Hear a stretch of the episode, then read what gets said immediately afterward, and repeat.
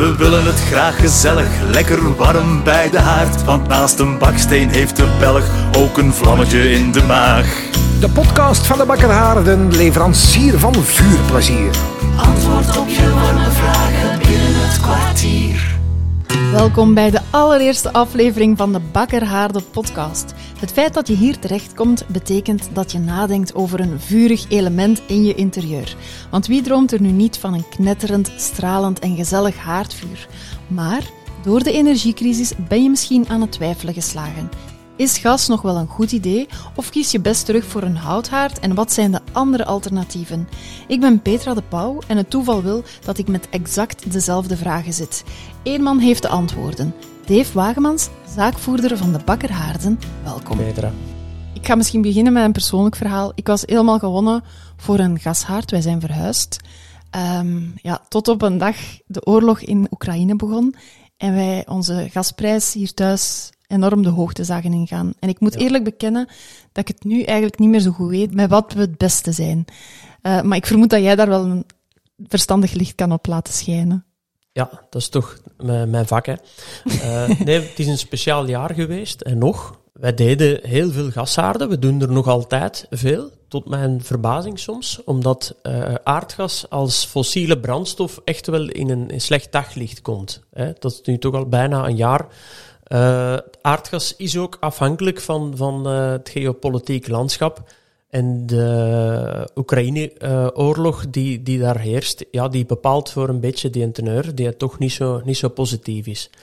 De mensen die een haard pakken, die, die op een paar uitzonderingen na, wij plaatsen zelden gashaarden bij mensen die dat als enige hoofdverwarming hebben. Het is bijna iedereen heeft bijna een centraal, of zo goed als iedereen heeft een centrale verwarming. -hmm. Uh, vaak is dat vloerverwarming, soms zijn er radiatoren, maar uh, bij alle recentere woningen is dat vloerverwarming. Vloerverwarming is iets zeer comfortabel, maar bijvoorbeeld dat aspect alleen is, ik denk dat 80% van de recente huizen vloerverwarming kiest. En het zijn via warmtepomp of een condensatieketel op gas, um, maar die is zeer statisch. En statisch, daar bedoel ik mee, um, ja, als, als het uh, op enkele dagen tijd het kwik s'nachts 10 graden begint te zakken, je vloerverwarming kan dat niet goed volgen. Mm -hmm. Dan, dan, zit je, ja, dan moet je noodgedwongen met een dekentje in je zetel zitten. Sommige mensen moeten dat spijtig genoeg nu sowieso al doen. Maar uh, dan is het wel leuk als je uh, een open haard hebt op gas of op hout, maar daar komen we later op terug. Uh, die je even kunt opzetten om, om een boost te geven. Om zo die, die 20 graden stabiel, om daar, dat op te trekken naar 23 in uw zetel. En dat kan perfect. Dat kan perfect, ja. absoluut. Ja, en dat kan vrij snel. Dus eigenlijk is, is we, we hebben een paar cases gedaan. Hè. Die staan ook op, op een apart websiteje van ons, zuinigstoken.be. Hebben we ontwikkeld voor mensen die met die vraagstukken zitten van, van uh, die rationele vragen. Waar kan ik die beantwoord zien? Daar staan zo'n paar energiecases op. Een verkoper van mij bijvoorbeeld heeft, net zoals ik, vloerverwarming.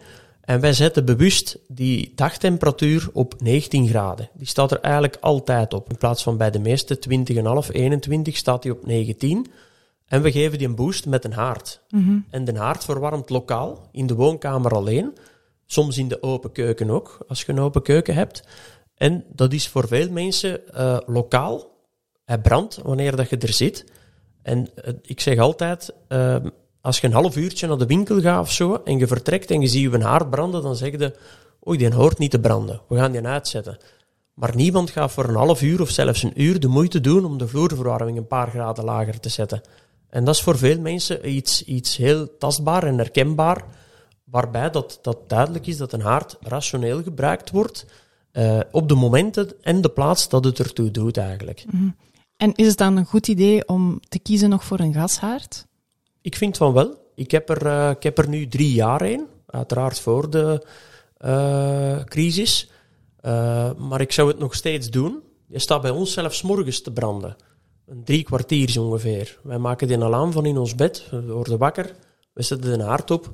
Komen een kwartiertje later de living binnen. Eerst de badkamer. En het is er al niet zo koud meer. Mm -hmm. En dat is, dat is best aangenaam om zo de living en de open keuken binnen te komen. Kan je dat monitoren, dat dat ongeveer qua verbruik hetzelfde ligt? Ja, dus uh, uiteraard zijn de, de CV-ketels op gas ietsje zuiniger, een vijftal procenten zuiniger dan de nieuwe generatie gashaarden. Dus de techniek die gashaarden gebruiken, die komt uiteindelijk van de CV-wereld met een paar jaar vertraging. Ehm, de, de, de Honeywell-sturingen bijvoorbeeld, dat is nu iets technischer. Dat komt allemaal uit de CV-wereld. Maar dus je kunt eigenlijk een gashaard van vandaag qua rendement en qua eh, warmteopbrengst vergelijken met een CV-condensatieketel van pakweg 4, 5 jaar oud. Ongeveer. ja, en een ketel zou toch een levensduur van 25, 30 jaar moeten hebben. Net zoals een haard trouwens. Een, een haard is eigenlijk, los van de ecostand, is, is dat eigenlijk nog altijd wel iets dat, dat zeer lokaal en, en bewust gebruikt wordt. Ja. En de ecostand, wat is dat juist? Want ja, nu dat je erover begint. Dat hebben tegenwoordig alle merken. Eh, een ecostand is een spaarstand, de naam verraadt het al een beetje. Waarbij dat, ehm, dat, dat je nog altijd je, je hoogste piekvlam of je hoogste vermogen instelt. Maar eh, hij gaat niet uh, 100% op dat vermogen blijven. Hij gaat fluctueren. Dus dat wil zeggen, hij gaat na een tijdje wat lager branden, terug wat hoger branden, terug wat lager branden. En je ziet dat in uw vlammen ook. Die gaan heel traag, dat vlambeeld zakt en dat gaat stilletjes aan terug omhoog. Dus dat is een gasklep die fluctueert op die stand. En die gaat open en geleidelijk aan terug dicht. Terug open, terug dicht. En dan verbruikt het tot 40% minder gas mee. Ah, oké. Ja. Ja. Die van mij staat, en alle haarden in onze showroom staan eigenlijk standaard tot vis ingesteld op ecostand. ja. Ja. Branden die nu ook allemaal met de crisis?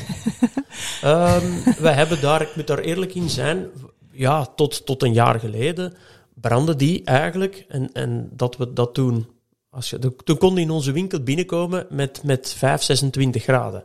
Die, dat, die tijd is gepasseerd. Dat, Ja. dat doen we niet meer. Nee. Eh, we zijn er zelf ook bewust mee bezig. Ook bij ons is de factuur eh, bijna verdubbeld.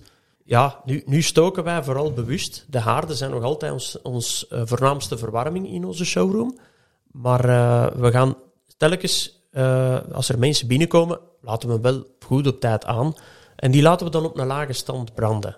Maar niet meer tot 5, 26 graden. Ja. Op 23 warmer gaan we het niet meer stoken. ja. Want jullie bieden niet enkel gashaarden aan, hè? Jullie hebben verschillende soorten haarden, hè? Eh, mijn ouders hebben de zaak in 82 overgenomen. Het was een, eh, een bestaande zaak, de Bakker Haarde. Hij heeft al eh, een serieuze historiek achter de rug.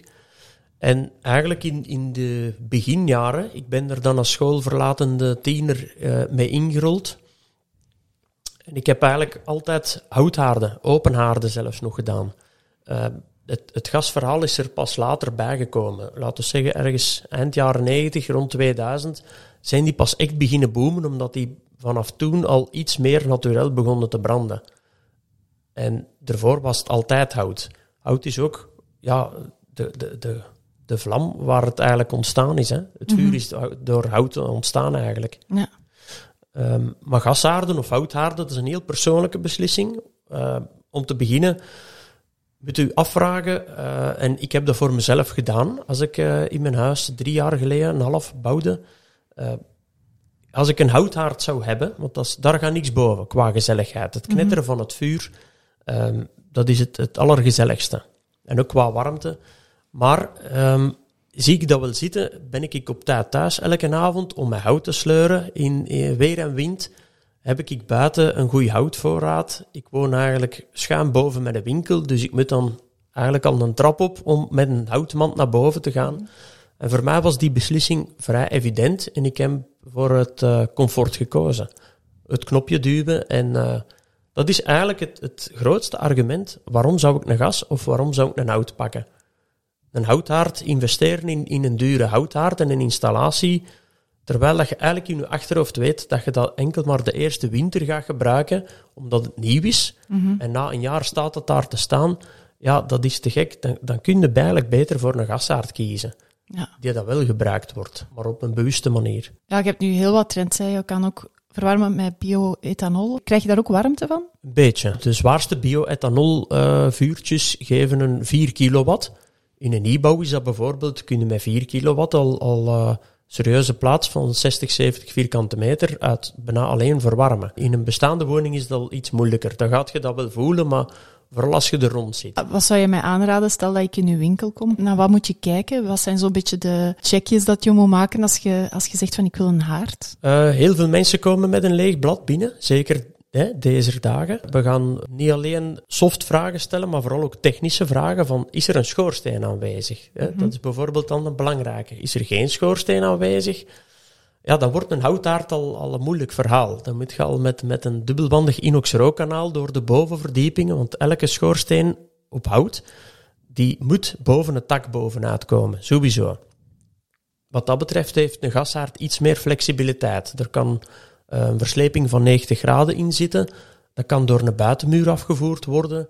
Uh, dus daar heb je iets meer flexibiliteit en mogelijkheden in. Mm dus dat is eigenlijk een van de voornaamste af, afwegingen van ja, kan het hier of kan het hier niet? Het, het technisch verhaal. Ja, voilà. ja, we moeten ook een gasleiding tot daar krijgen. Dus dan hebben we een kelder of een kruipkelder nodig. Is dat er niet, is dat op volle grond en er ligt geen gas, ja, dan moeten we de gashaard uitsluiten. Dus we proberen mensen ook wel uh, goed informeren uh, wat, er, ja, wat dat je eigenlijk moet uit je kop zetten.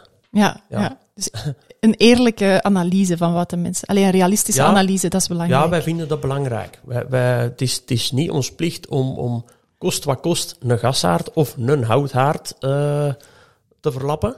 Maar, maar vooral ook, ja, wij, wij, dat, is ook, dat is ook mijn passie. Hè, dat heb je al gemerkt. Vuur is letterlijk mijn passie. Mm -hmm. En we willen voor elke klant de beste oplossing.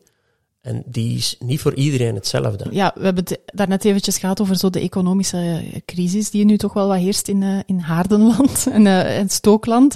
Uh, hoe denk je dat de haardenfabrikanten daarop in gaan spelen in de toekomst? Er is al een beweging gaande, die, die was al een tijd ingezet met, met het rendement en het, het milieuvriendelijk effect. Dus wij voor onszelf hebben drie jaar en een half geleden met de bouw van de nieuwe showroom in Heist die beweging al gedaan en we hebben toen de future-proofheid van alle haarden uh, onder de loep genomen. En er zijn er een paar tussenuit gevallen.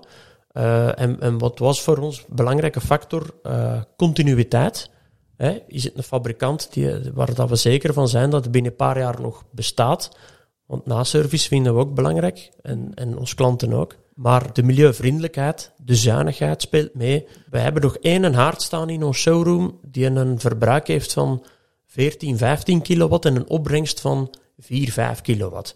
Dat krijgt de deze dagen bijna meer verkocht. We hebben het nog wel om, om maar vooral ook te laten zien, kijk, het bestaat nog, maar uh, eigenlijk, ja, warm stoken voor de vogeltjes buiten, dat, uh, dat, dat is nu niet echt meer verantwoord. Dus, uh, ja, het is denk ik ja. ook een van de eerste keren dat we er echt mee bezig zijn, hè, met wat het kost om te stoken. Ja, eigenlijk wel. Tot een jaar geleden, of een dik jaar geleden, was aardgas veruit en veruit de goedkoopste uh, brandstof. Nu is dat misschien niet meer. Ik heb de afweging tegenover uh, mazoet, ja, die is even goed mee omhoog gegaan. Maar bijvoorbeeld elektriciteit, die is ook omhoog gegaan. En het fenomeen van de warmtepompen, ik vind dat, ik vind dat iets heel goed. Want de warmtepomp, hè, dat, dat pakt verwarmt van zijn lucht. Uh, je hebt ook nog geothermie en zo, maar dat is nog een ander verhaal. Maar um, ja, dat verbruikt. Ik heb in mijn showroom warmtepompen als centrale verwarming. Dus mijn kantoren worden daarmee verwarmd. Maar ik val achterover als ik uh, ja, die, die, die facturen zie. Dat verbruikt echt veel stroom. Ik heb nog geen zonnepanelen. Er waren geen centen meer voor. Die komen er zeker. Maar zelfs met zonnepanelen, we hebben een paar weken grijs weer gehad ja, dan, dan, uh, dan zeg jij van het net aan het pakken. Hè. Mm -hmm. Dan gaan uw zonnepanelen weinig opbrengen. Hè. Mm -hmm. Dus een warmtepomp vinden wij zeer complementair met, met een haard. Eigenlijk andersom, een haard vinden wij wel best complementair om samen te gebruiken. Mm -hmm. om, om die piek, die boost te geven die je, die je eigenlijk nodig hebt om lekker warm in de zetel te zitten. Ik vind dat een mooie afsluiter. Binnen het kwartier, Dave, heb je dat gedaan. Ah, uh, dus bedankt om te antwoorden. En ja, ik verwijs de mensen door naar jullie website uh, van de Bakker Haarde of naar een volgende podcast waar dat we nog heel andere dingen gaan vertellen. Dank u wel alvast. Graag gedaan. Antwoord op je warme vragen binnen het kwartier.